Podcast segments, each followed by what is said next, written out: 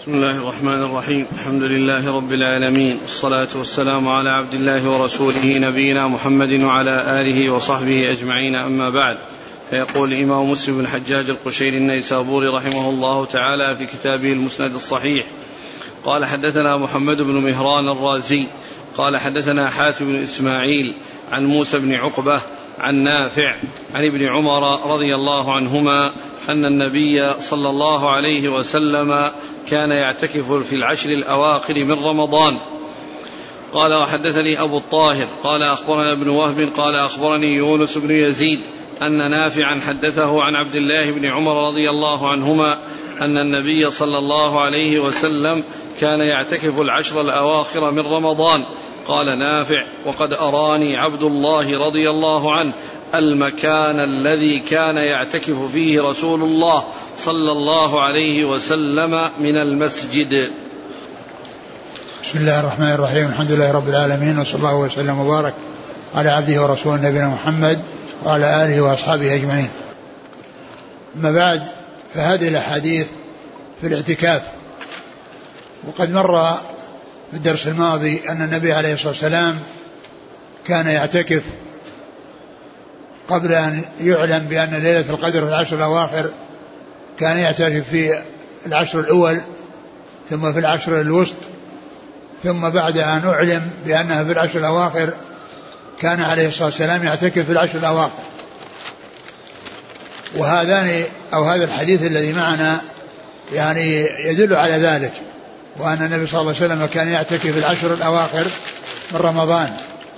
والاعتكاف هو المكث في المسجد على وجه مخصوص. هذا هو الاعتكاف. ويعني يكون المكان الذي المسجد الذي يعتكف فيه الأولى أن يكون في يصلى فيه جمعة. يعني حتى لا يحتاج إلى الخروج لصلاة الجمعة. وإن صلى في مسجد يجمع فيه وخرج إلى الجمعة لا بأس بذلك لكن الأولى أن يكون في مسجد يصلى فيه جمعة. وقد جاء في بعض الأحاديث لا اعتكاف إلا في المساجد الثلاثة وهي المسجد الحرام والمسجد النبوي والمسجد الأقصى. لكن القرآن جاء في قوله ولا تباشرون وأنتم عاكفون في المساجد. وهذا لفظ مطلق.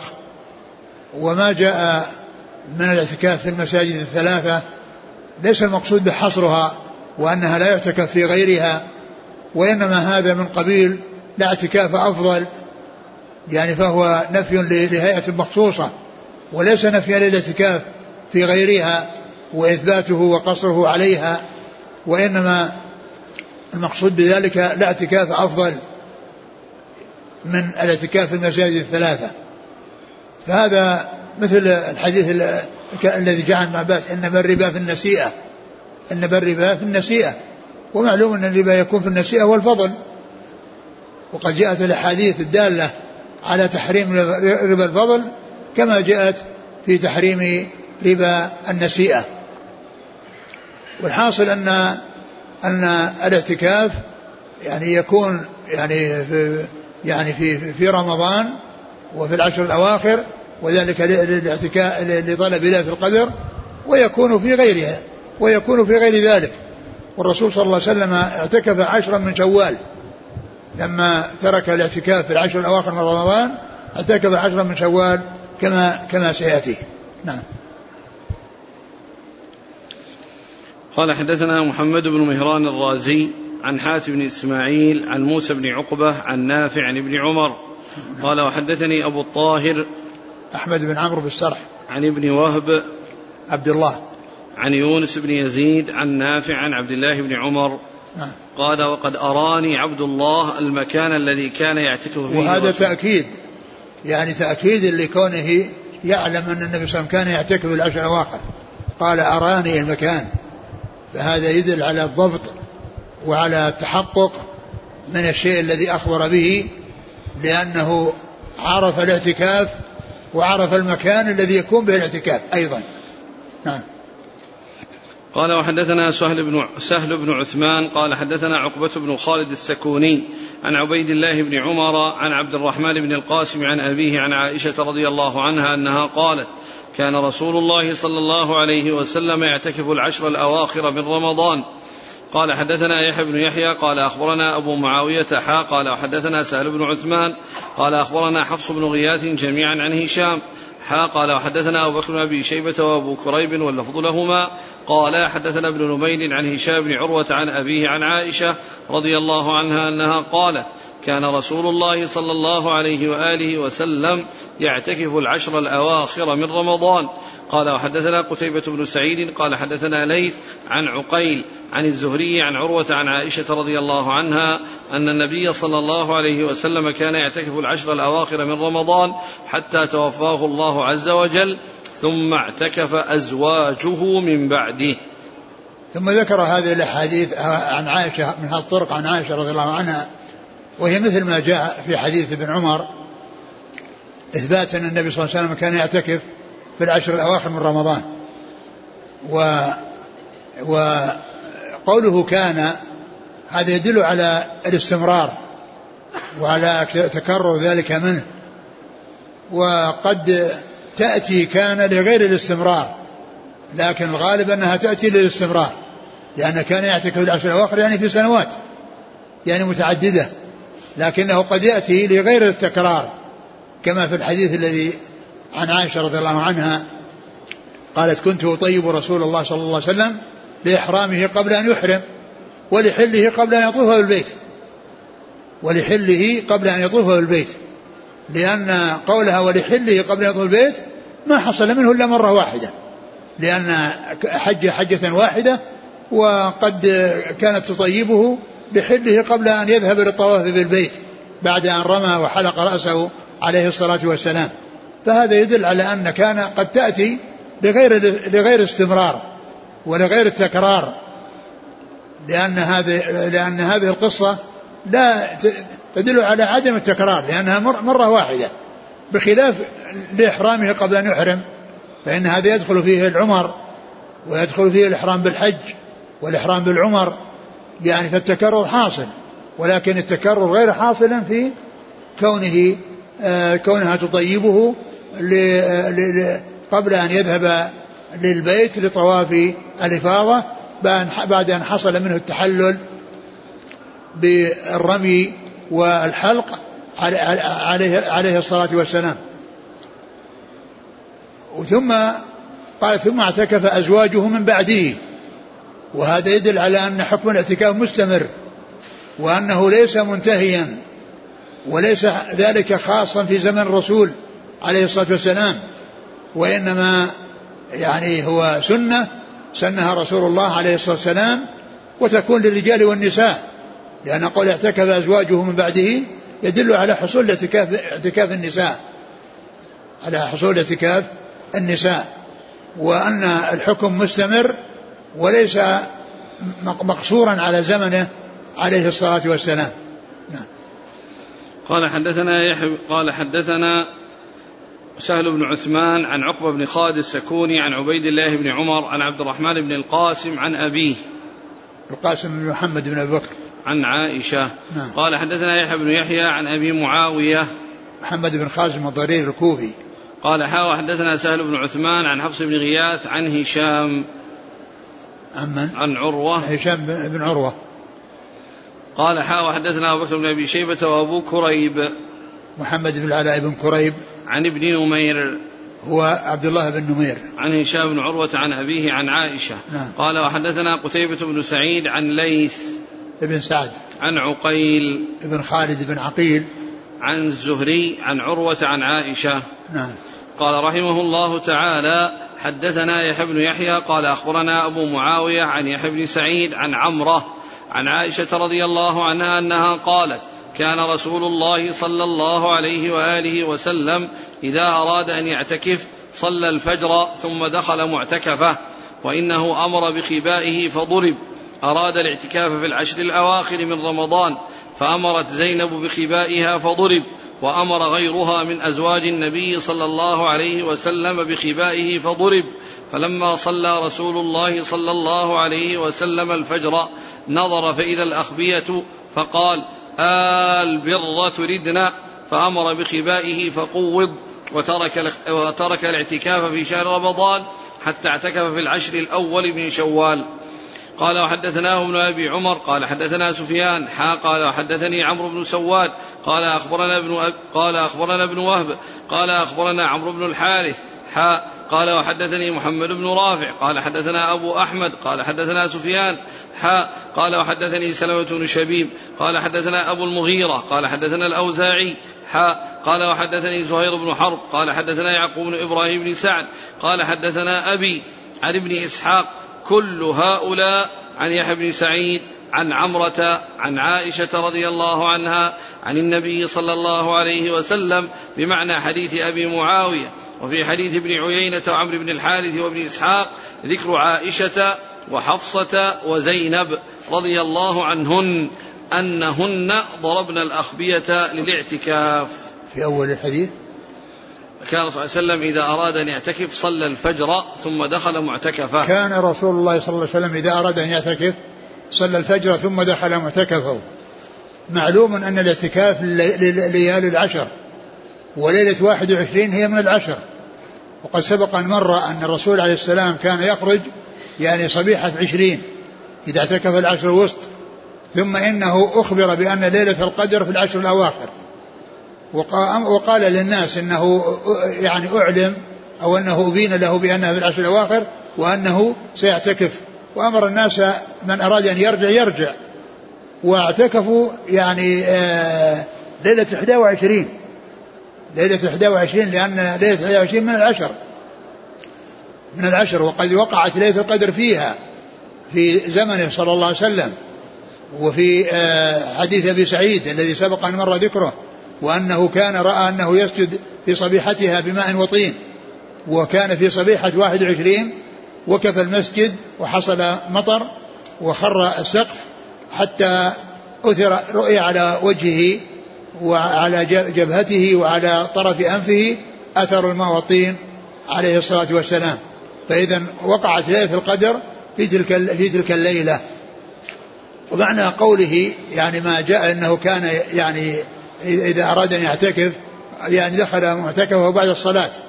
يعني معنى ذلك أنه كان يعتكف في الليل ولكنه يعني في في الصباح عندما يريد أن أن يخلو في معتكفه فإنه دخله. ولا يعني ذلك أن ابتداء الاعتكاف كان في النهار وفي أول النهار. ولأن ليلة الليلة السابقة لليلة 21 هي من العشر. وقد وقع كما ذكرت أنها حصلت ليلة القدر في تلك الليلة. وقد عرفنا في الدرس السابق أن الصحيح فيها أنها متنقلة وأنها ليست في ليلة معينة. فتكون في ليلة في سنة في ليلة وسنة في ليلة وسنة في, في, ليلة وقد تتكرر سنوات في ليلة واحدة لكنها ليست مستقرة على ليلة واحدة لا تتجاوزها ولا تتعداها وإنما هي مختصة بها. وعلى هذا فإن قوله دخل معتكفة يعني المكان الذي خصص له والذي يخلو به عن الناس حصل ذلك من من بعد من بعد صلاة الفجر. أما قبل ذلك فهو المسجد ولكنه لم يدخل معتكفه وبهذا يوفق بين كونه يعتكف العشر كلها من أولها إلى آخرها وبين كونه يعني في الصباح يعني يدخل المعتكف. ولما يعني آه، بني له المكان الذي يعتكف فيه يعني فعل ذلك بعض أزواجه وتكرر وتتابعنا على ذلك فالرسول عليه الصلاة والسلام خشي أن يكون الذي دفعهن على ذلك الغيرة والقرب منه صلى الله عليه وسلم والتنافس فيما بينهم الغيرة عليه عليه الصلاة والسلام. ف فعند ذلك قال آل بر يريدنا آل بر يريدنا يعني أن أنه لابد أن يكون العمل أن يكون خالصا لله عز وجل التقرب إليه ما يكون يعني في سبب آخر وهو التنافس على قربه والقرب منه عليه الصلاة والسلام والكون معه في المسجد يعني معتكفات. فترك فأمر به قوض وقوضت الخيام أو المحلات التي وضعت لأمهات المؤمنين ثم إنه اعتكف بدل ذلك في العشر الأول من شوال. نعم. قال حدثنا يحيى بن يحيى عن أبي معاوية عن يحيى بن سعيد الأنصاري. عن عمرة بنت عبد الرحمن الأنصارية. عن عائشة. نعم. قال وحدثناه ابن أبي عمر محمد بن يحيى بن عم بن أبي عمر العدني المكي. عن سفيان وهو بن عيينة. حا قال وحدثني عمرو بن سواد عن ابن وهب عن عمرو بن الحارث. حا نعم. قال وحدثني محمد بن رافع عن أبي أحمد. وهو محمد بن عبد الله بن الزبير الزبيري. عن سفيان سفيان الثوري. قال حا وحدثني سلمة بن شبيب عن أبي المغيرة وهو عبد القدوس بن الحجاج. عن الأوزاعي.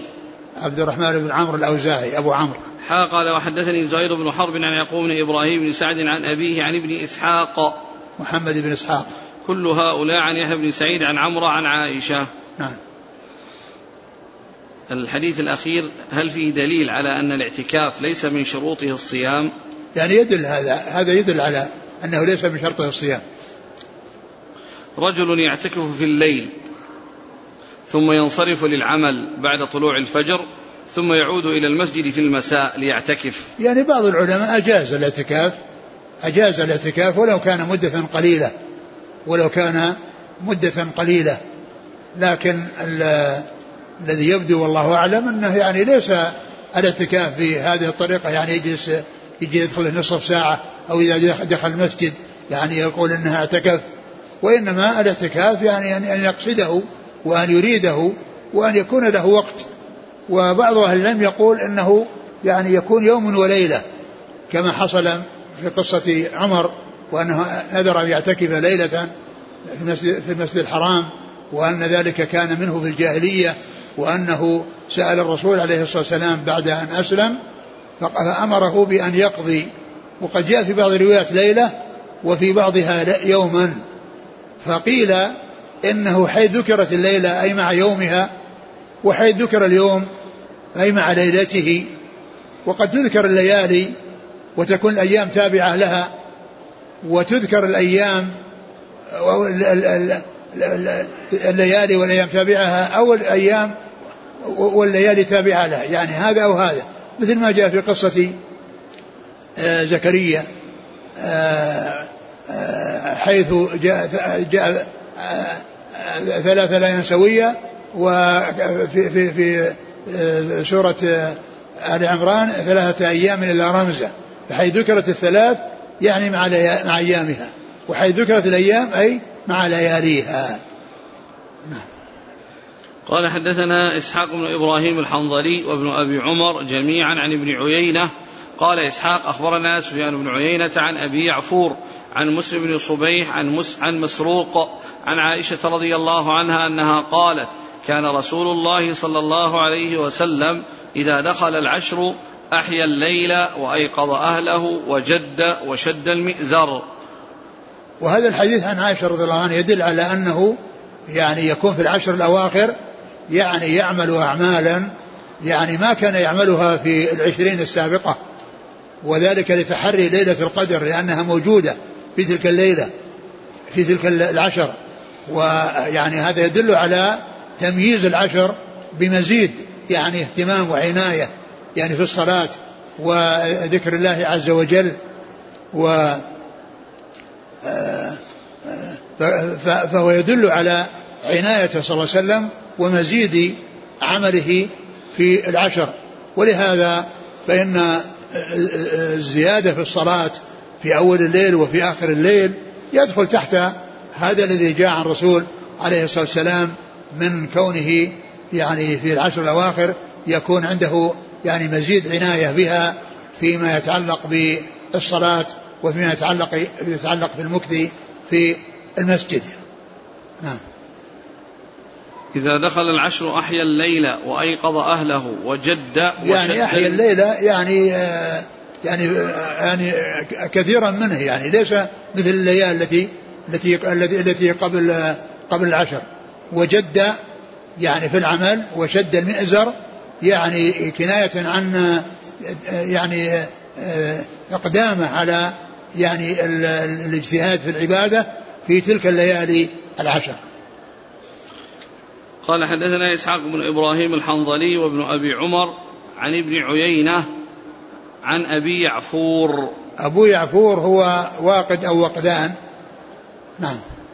هذا أبو يعفور الأكبر الأكبر. هذا لأن الأصغر يعني ما خرج له مسلم ولا البخاري. خرج له أصحاب السنن.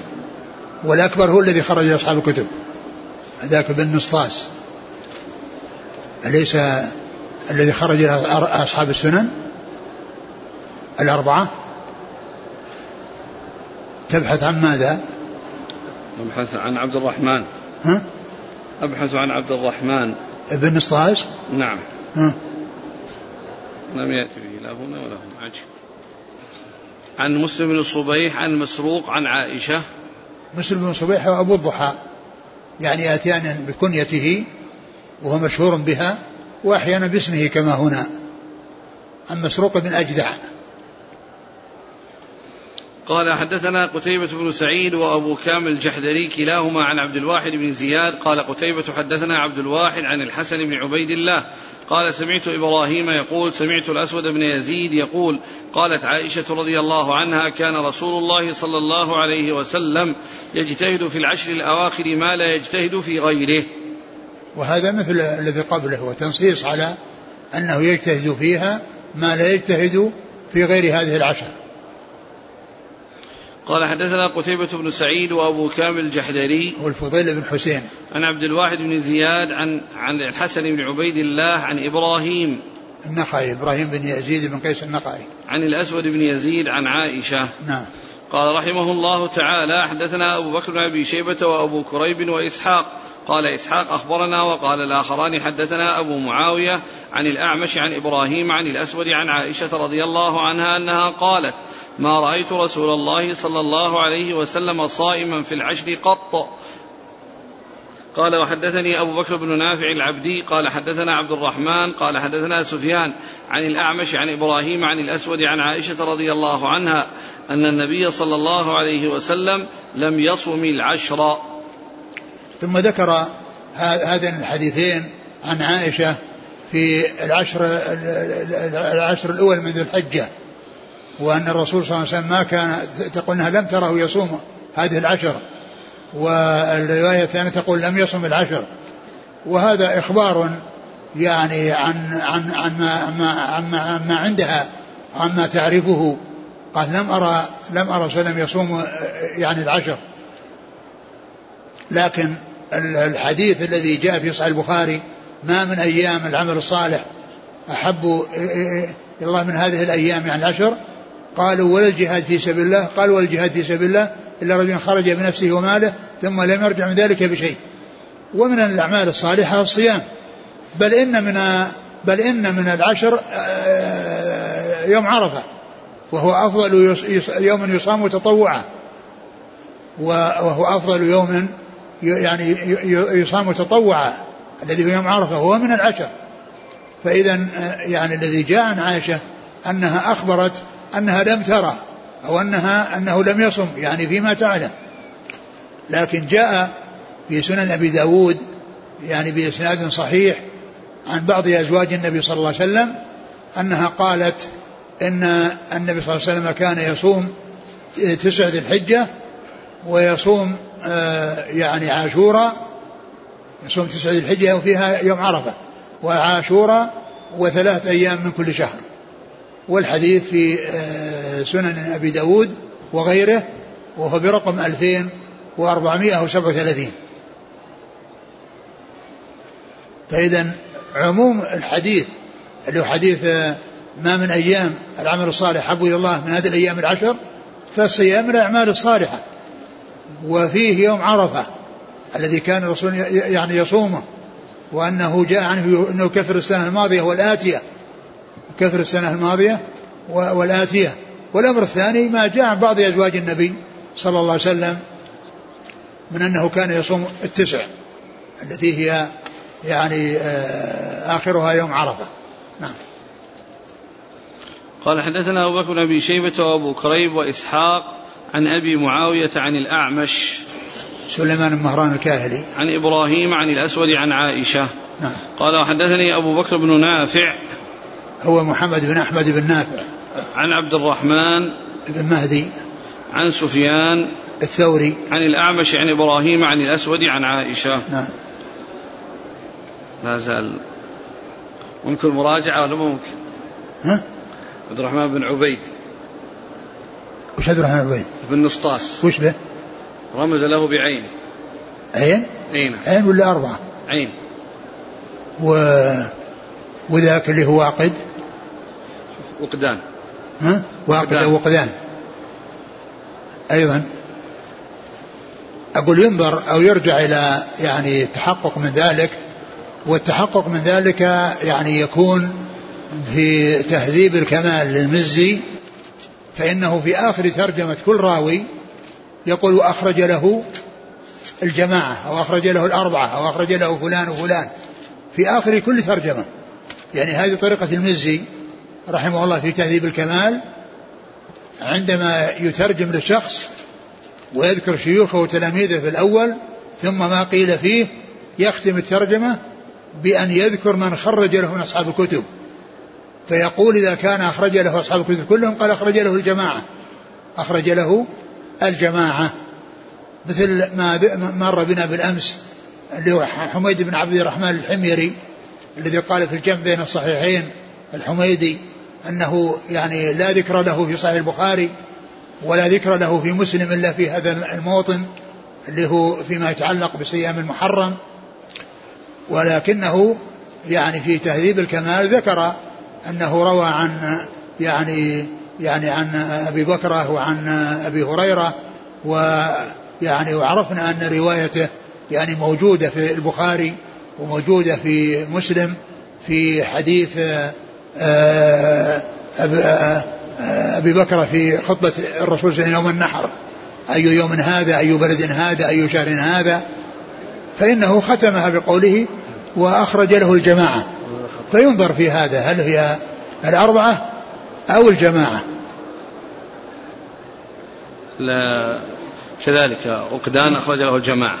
نعم. لكن الخطأ حصل في الرمز في الكنى. في الكنى حصل الخطأ في الرمز. ها وإلا في ترجمة كل واحد على استقلاله ها رمز له بعين. يعني عند ال يعني الكنى عند أبو يعفور. أبو يعفور. نعم. وضع عند الأصغر أربعة. على كل يعني يتحقق من هذا بالرجوع إلى تهذيب الكمال في آخر الترجمة. هل يعني يقول إنهم الأربعة أو يقول إنهم الجماعة؟ وإذا كان إنه رواله الجماعة فإذا يعني يكون الأمر ملتبس بين هل هو هذا وهذا. فهذا يعرف بالشيوخ والتلاميذ. يعني ينظر في يعني يعني واقد ووقدان وعبد الرحمن بن نسطاس يعني يعني فيما يتعلق بالشيوخ من هو شيخ اللي فوق الشيخ الذي يعني روي عنه. يروي عن مسلم بن صبيح. آه نعم أبو الضحى مسلم بن صبيح. ينظر في ترجمة مسلم بن صبيح. من روى عنه؟ هل هو عبد الرحمن أو وقدان؟ أو هما جميعا؟ وكذلك ينظر في ترجمة تلميذه الذي هو سفيان بن عيينة. سفيان بن عيينة؟ نعم. نعم؟ نعم. نعم. هو اللبس يعني يكون بين بين العين وبين الأربعة. يعني نعم؟ أي نعم. أي نعم.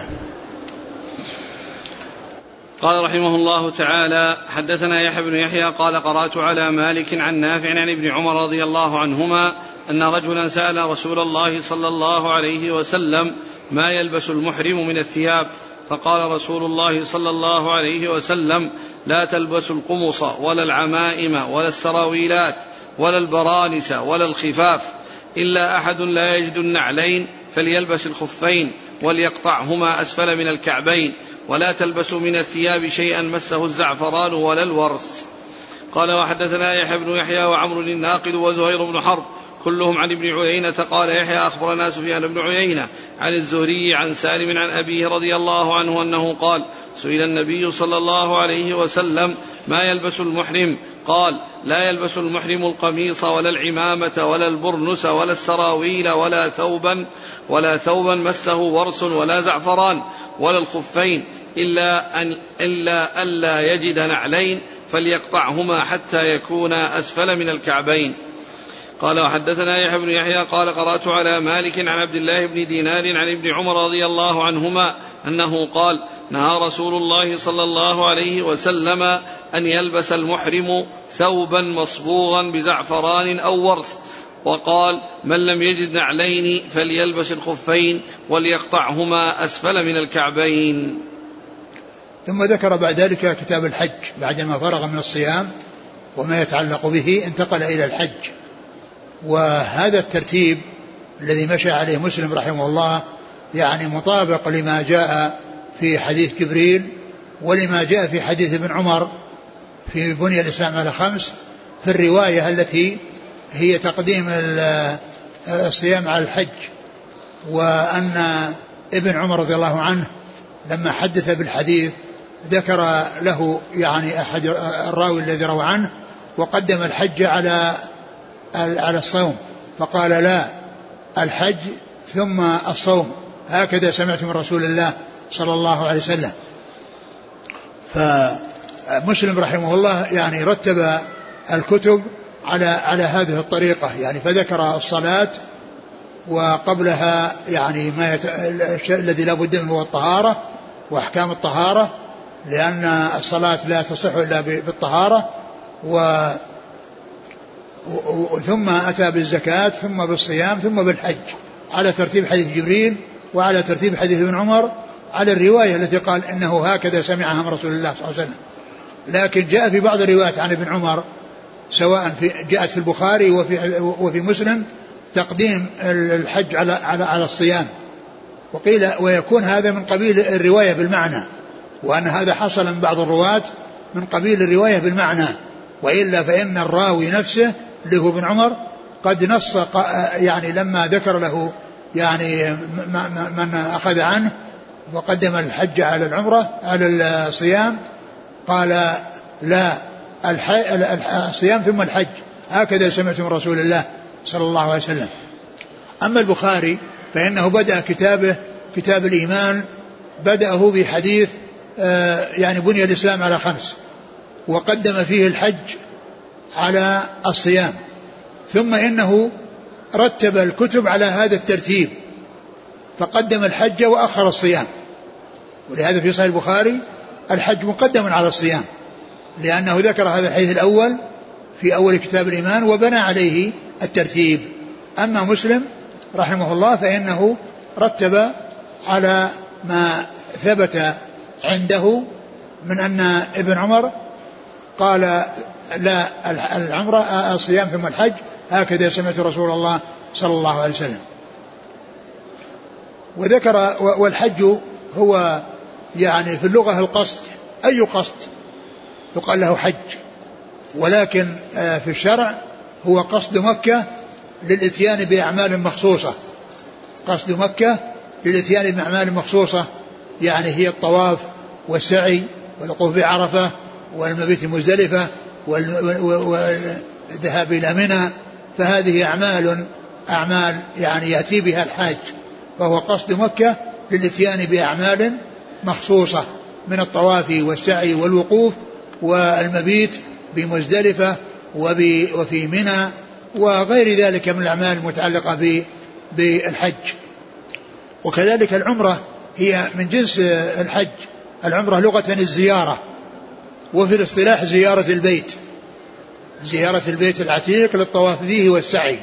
لأن العمرة يعني ما فيها إلا طواف وسعي. وتحلل يعني بحلق الرأس كله أو أو بتقصيره. ثم إنه ذكر الأشياء التي يعني لا يلبسها المحرم. وما عدا ذلك فإنه يلبسه. وكان السؤال عن ما يلبس المحرم. فأجيب بما لا يلبس. السؤال عما يلبس فأجيب بما لا يلبس. والسبب في ذلك أن ما لا يلبس محصور وما يلبس غير محصور. فكان الجواب يعني يختلف عن السؤال. لم يجبه على على السؤال وهو عما يلبس بل أجابه عما لا يلبس. وهذا يسمونه أسلوب الحكيم. يعني يكون انه يسأل عن شيء ثم يجيب بجواب يلفت النظر إلى أن السؤال ينبغي أن يكون عن, عن هذا يعني عما لا يلبس لأنه محصور. وقد ذكر لما سئل عما لا يلبس فقال لا يلبس المحرم القمص وهو ما يفصل على يعني كامل الجسد يعني من من من الكتفين مما فوق الكتفين إلى ما فوق الكعبين. هذا يقال له قميص وهو أكمل اللباس وأوفى اللباس ويعني الذي يحيط بالجسد أو بأكثر الجسد. لا يلبس القمص يعني على على جسده كله ولا على بعض جسده كالعمائم عليها على الرأس والبرانس التي هي متصلة بالثوب يعني سواء جبة أو يعني قميص بأن يكون رأسه متصل به. يعني فيغطى به الرأس وينزع فيتعلق ويتدلى يعني من وراء هذا هو البرنس. فأشار إلى أن الرأس لا يلبس يعني عليه العمامة التي هي ليست متصلة بشيء آخر ولا البرنس الذي هو متصل بالقميص أو بالجبة أو غير ذلك من الألبسة. التي يلبسها يلبسها الإنسان. لا يلبس القمص. القمص ولا العمائم ولا السرا ولا العمائم ولا البرانس ولا السراويلات. وهذا ما يكون يحيط ببعض الجسد الذي هو أسفله. ومثله ما يحيط بأعلاه مثل الفنايل. يسمى الفنايل فإنها تحيط بأعلاه والسراويل تحيط بأسفله. فلا يلبس وكذلك الجوارب لا يستعملها ولا يستعمل القفافيز يعني التي تغطي اليدين فلا يعني فتكون يعني الرأس مكشوف واليدان مكشوفة والقدمان يعني مكشوفة. قال يلبس المحرم القمص ولا العمائم ولا البرانس ولا السراويلات ولا خفاف ولا الخفاف التي تكون على الرجلين. قال إلا يعني من لم يجد نعلين فليلبس الخفين وليقطعهما أسفل من الكعبين. لأنه إذا قطعهما أسفل من الكعبين صارت مثل النعلين. ولهذا فإن لبس آه، آه، آه، الخفاف التي فوق تحت الكعبين مثل لبس النعال. يعني كونه يلبس خفاف دون الكعبين أو يلبس نعال سيان لأن الخف هو يعني الممنوع هو ما يغطي ما يغطي الكعب. وقد جاء في هذا الحديث الذي حصل والرسول صلى الله عليه وسلم في المدينة وسئل وهو في المدينة فأجاب بهذا الجواب قبل أن يذهب يعني لل يعني للحج. وأجاب بأنه إذا لم يجد النعلين يلبس خفين وليقطعهما حتى يكون أسفل من الكعبين فتصير مثل النعال. لكنه جاء في حجة الوداع في حديث ابن عباس أن الرسول خطب الناس وقال من لم من لم يجد إزارا فليلبس السراويل ومن لم يجد خفين نعلين فليلبس خفين. فيكون هذا المتأخر ناسخ لأنه حضره حضر خطبة في عرفة الناس من جميع الآفاق وانصرفوا آخذين هذا الذي سمعه من رسول الله عليه الصلاة والسلام.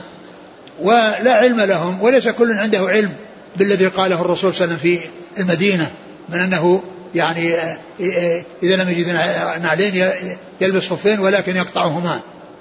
ودل على أن ذلك المتأخر ناسخ لأن الذين سمعوا خطبته جاءوا من جميع الآفاق وليس من المدينة فقط ولا يعني عندهم ولا يكون عندهم كلهم علم بهذا الذي قاله الرسول صلى الله عليه وسلم في المدينة فيكون هذا من قبيل الناسخ. وبعض أهل العلم قال إنه يجمع بينهما بأن يعني بأن يحمل المطلق الذي هو الذي هو كونه يلبس يلبس الخفين بدون قطع يعني على ذاك المقيد الذي جاء في المدينة. ولكن هذا مثل السراويل. الإنسان أرخص له يلبس السراويل وهو لا يجوز له أن يلبسها. إلا في يعني من لم يجد إزار فإنه يلبس السراويل. فكذلك الخفين يعني يلبسهما بدون قطع.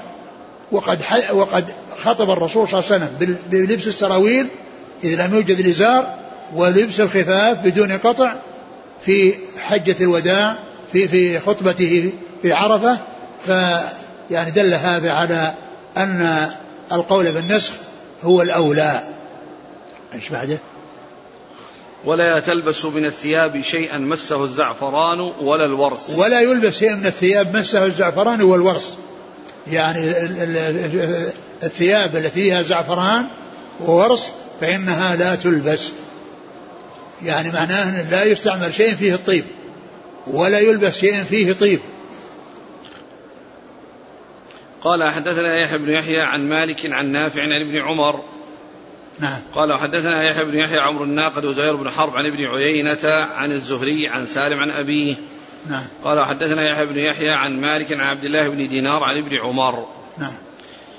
قال حدثنا يحيى بن يحيى وأبو وأبو الربيع الزهراني وقتيبة بن سعيد جميعا عن حماد. قال يحيى أخبرنا حماد بن زيد عن عمرو عن جابر بن زيد عن ابن عباس رضي الله عنهما أنه قال سمعت رسول الله صلى الله عليه وسلم وهو يخطب يقول السراويل لمن لم يجد الإزار والخفان لمن لم يجد النعلين يعني المحرم. قال حدثنا محمد بن بشار قال حدثنا محمد يعني بن جعفر حا قال وحدثني أبو غسان الرازي. قال حدثنا بهز قال جميعا حدثنا شعبة عن عبد بن دينار بهذا الإسناد أنه سمع النبي صلى الله عليه وسلم يخطب بعرفات فذكر هذا الحديث. قال وحدثنا أبو بكر بن أبي شيبة قال حدثنا سفيان بن عيينة حاء قال وحدثنا يحيى بن يحيى قال أخبرنا هشيم حا قال حدثنا أبو كريب قال حدثنا وكيع عن سفيان حا قال حدثنا علي بن خشرم قال أخبرنا عيسى بن يونس عن ابن جريج حا قال وحدثني علي بن حجر قال حدثنا إسماعيل عن أيوب كل هؤلاء عن عمرو بن دينار بهذا الإسناد ولم يذكر أحد منهم يخطب بعرفات غير شعبة وحده. ثم ذكر مسلم حديث ابن عباس الذي يعني فيه أن أن من لم يجد إزارا يلبس السراويل ومن لم يجد آه، نعلين يلبس الخفين ولم يذكر القطع وأن هذا كان في في عرفة وأن الرسول صلى الله عليه وسلم كان يخطب في ذلك وهذا يعني يفيد كما أشرت من قبل بأن بأن ذلك يدل على النسخ لأن الحجاج آه، جاءوا من جميع الآفاق وانصرفوا إلى بلادهم وقد أخذوا عن النبي صلى الله عليه وسلم هذه الخطبة التي ليس فيها قطع. والتي فيها لبس سراويل. نعم.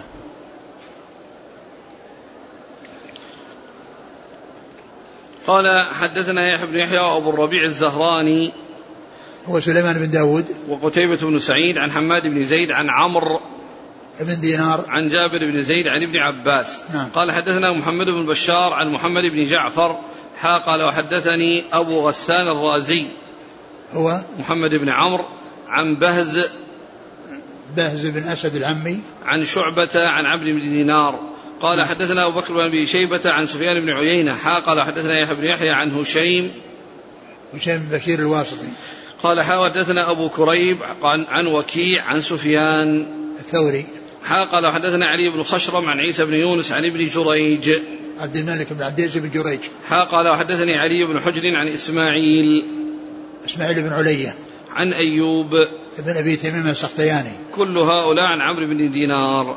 نعم. قال وحدثنا أحمد بن عبد الله بن يونس قال حدثنا زهير قال حدثنا أبو الزبير عن جابر رضي الله عنه قال قال رسول الله صلى الله عليه وسلم من لم يجد نعلين فليلبس خفين ومن لم يجد إزارا فليلبس سراويل. وهذا مثل حديث ابن عباس لأنها يعني من لم يجد نعلين يلبس خفين ولم يذكر قطع ومن يجد إزارا يلبس سراويل.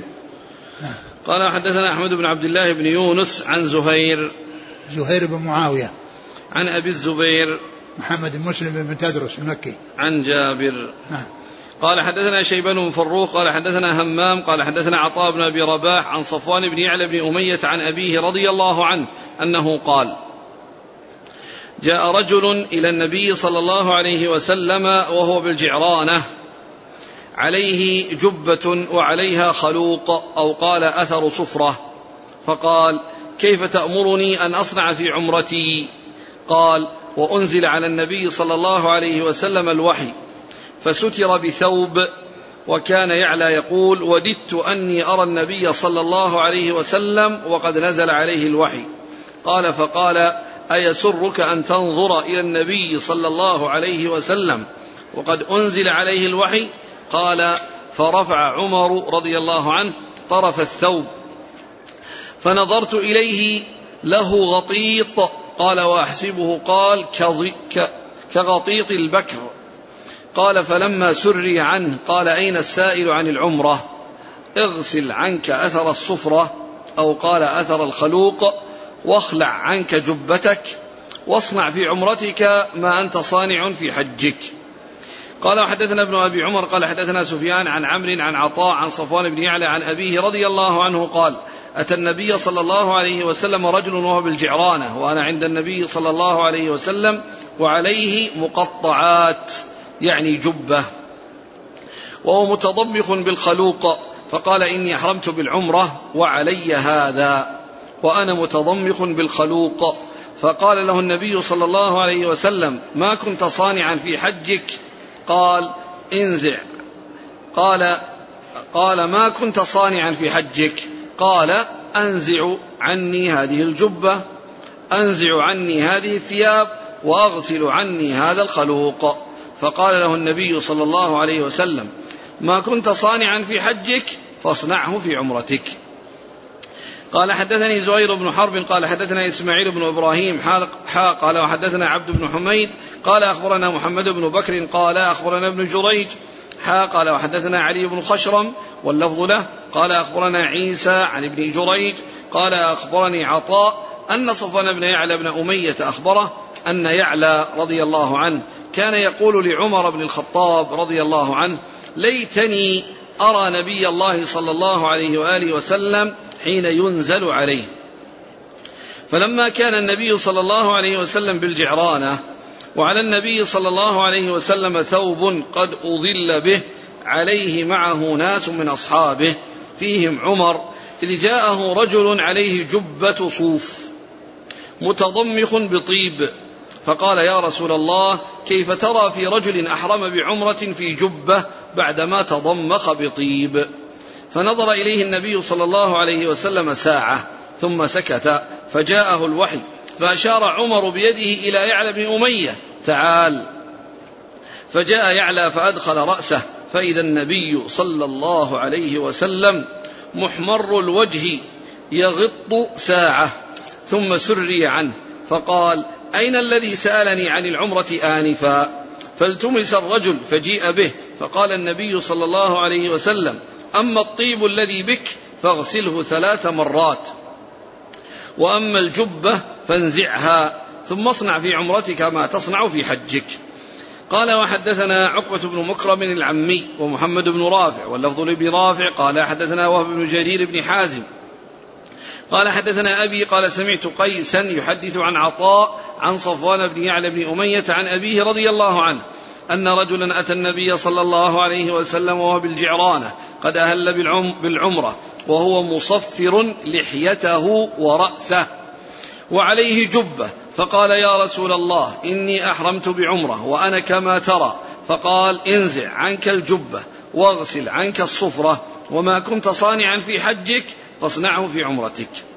قال وحدثني إسحاق بن منصور قال أخبرنا أبو علي عبيد الله بن عبد المجيد قال حدثنا رباح بن أبي معروف قال سمعت عطاء قال أخبرني صفوان بن يعلى عن أبيه رضي الله عنه قال كنا مع رسول الله صلى الله عليه وسلم فأتاه رجل عليه جبة بها أثر من خلوق فقال يا رسول الله إني أحرمت بعمرة فكيف أفعل؟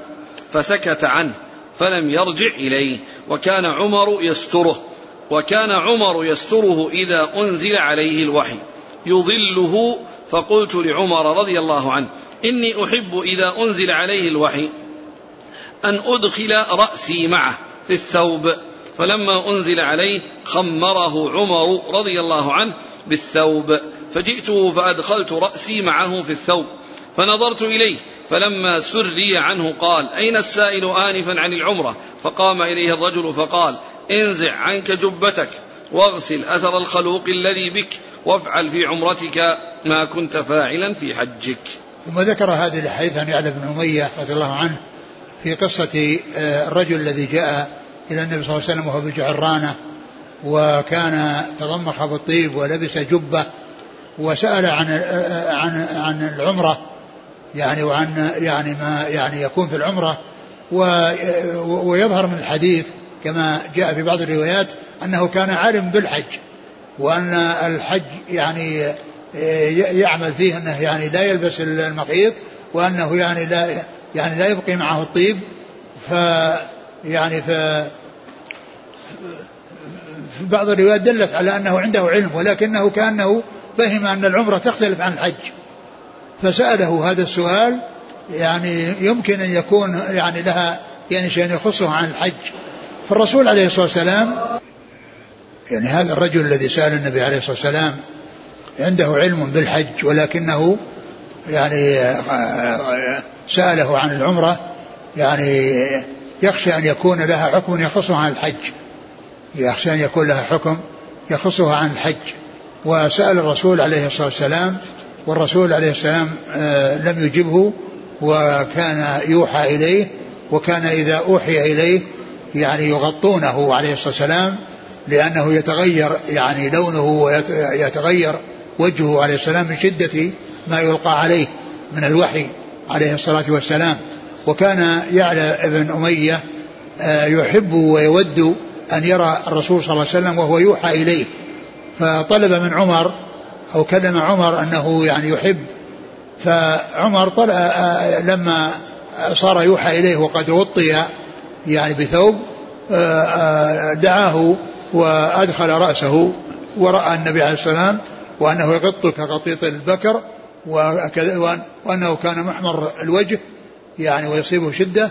ولما سري عنه سأل عن السائل فأتي به فقال آه، اغسل الطيب واخلع الجبة واصنع في عمرتك ما أنت صانع في حجك ما أنت صانع في حجك. وقد عرفنا أنه يعرف يعني الشيء الذي يصنع في في الحج. ثم إن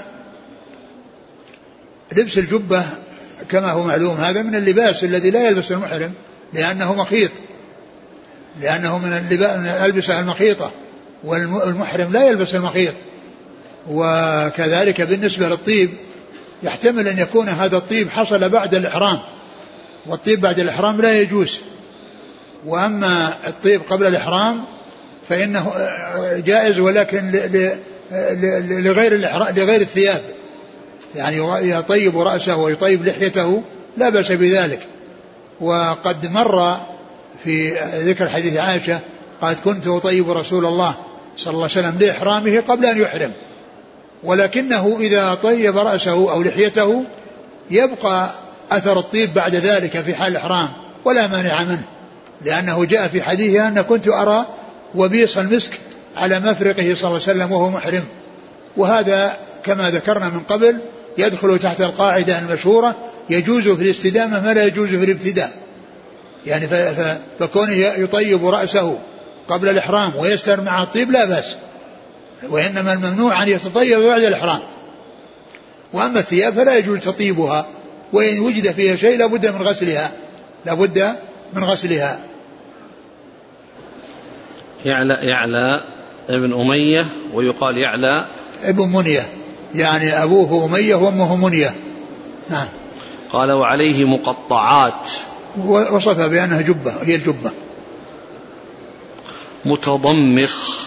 متضمخ يعني إنه مت يعني متطيب أو متمكن من الطيب أو يعني آه إنه فيه طيب كثير. نعم.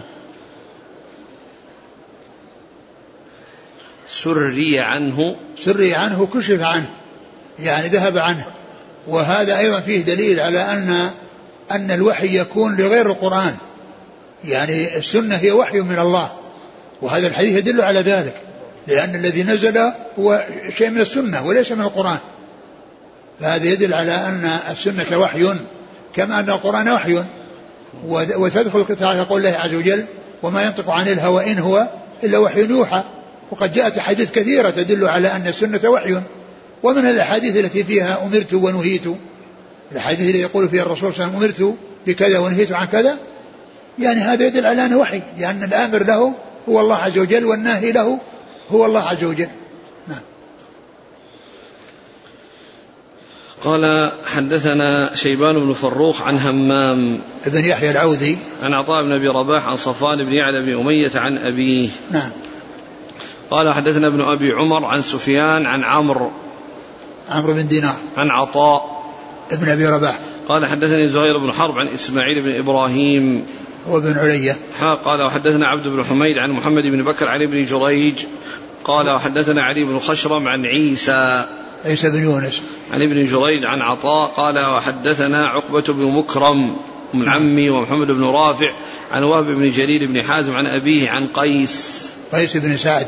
المكي عن, عن عطاء عن صفوان بن يعلى قال وحدثني إسحاق بن منصور عن أبي علي عبيد الله بن عبد المجيد عن رباح بن أبي معروف عن عطاء عن صفوان بن يعلى عن أبيه. نعم. المواقيت؟ والله تعالى أعلم وصلى الله وسلم وبارك على عبده ورسوله نبينا محمد وعلى آله وأصحابه أجمعين.